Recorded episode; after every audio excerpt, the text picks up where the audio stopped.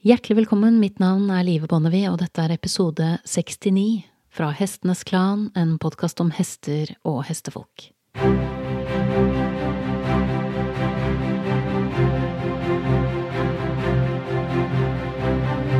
Hesten dukker hyppig opp i både mytologi og folketro, og den er særlig fremtredende der mennesket eller naturen går over i en ny fase. Den figurerer derfor ofte som livs- eller dødssymbol. Og den knyttes også ofte opp mot overgangen mellom natt og dag. Den personifiserte natten i norrøn mytologi, Natt, bestemoren til Thor med hammeren, bæres over kveldshimmelen av hesten Rimfaksi, og bak dem følger natten. Hesten er interessant nok også tett knyttet opp mot solen, både i religioner og i myter, som funnet av solvognen i Trundholm i Danmark fra eldre bronsealder tydelig viser. Det er en nydelig figur av en sol som blir trukket av en hest. Hesten har til alle tider hatt en sentral rolle i både mytologi og trosforestillinger. Men personlig synes jeg alltid det har vært spesielt interessant å se på mytene der hest og kvinne knyttes sammen.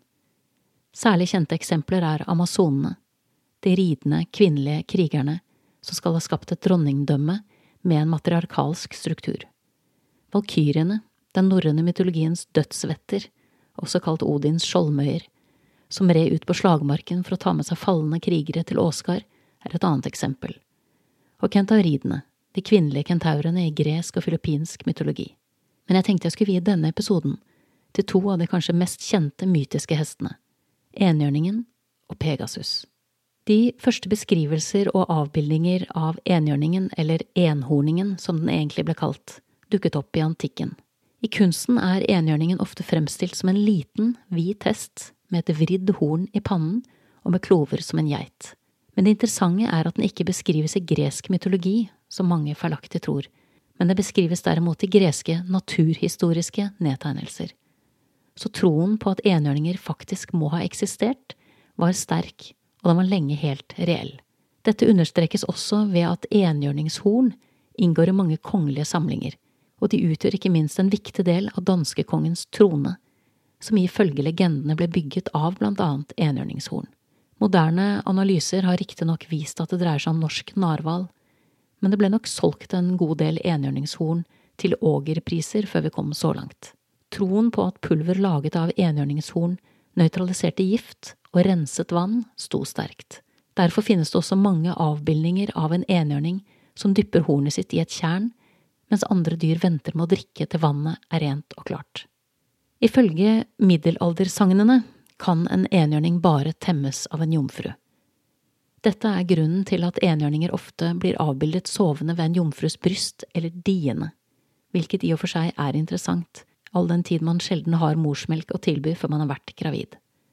Uansett, enhjørningen symboliserte renhet, og har av den grunn opp gjennom tidene vært hyppig brukt som motiv, blant annet på våpenskjold, riksvåpen og kongevåpen.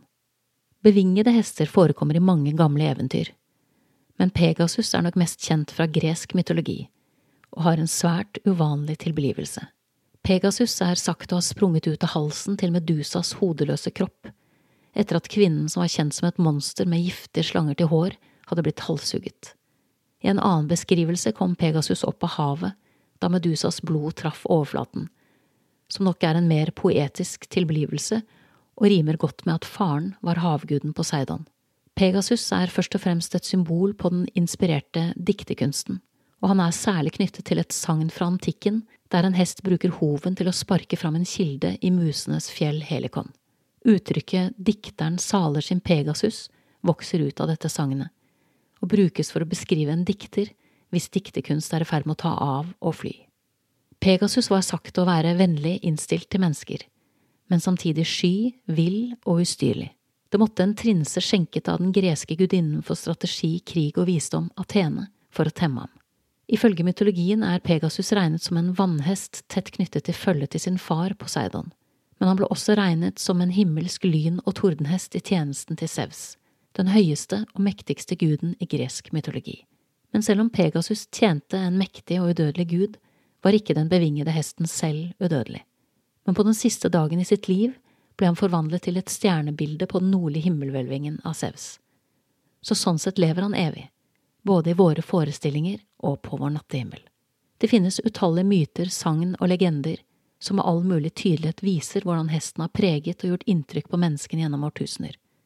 Og så vel de største hærførerne som de mektigste gudene har alle hatt en hest under seg.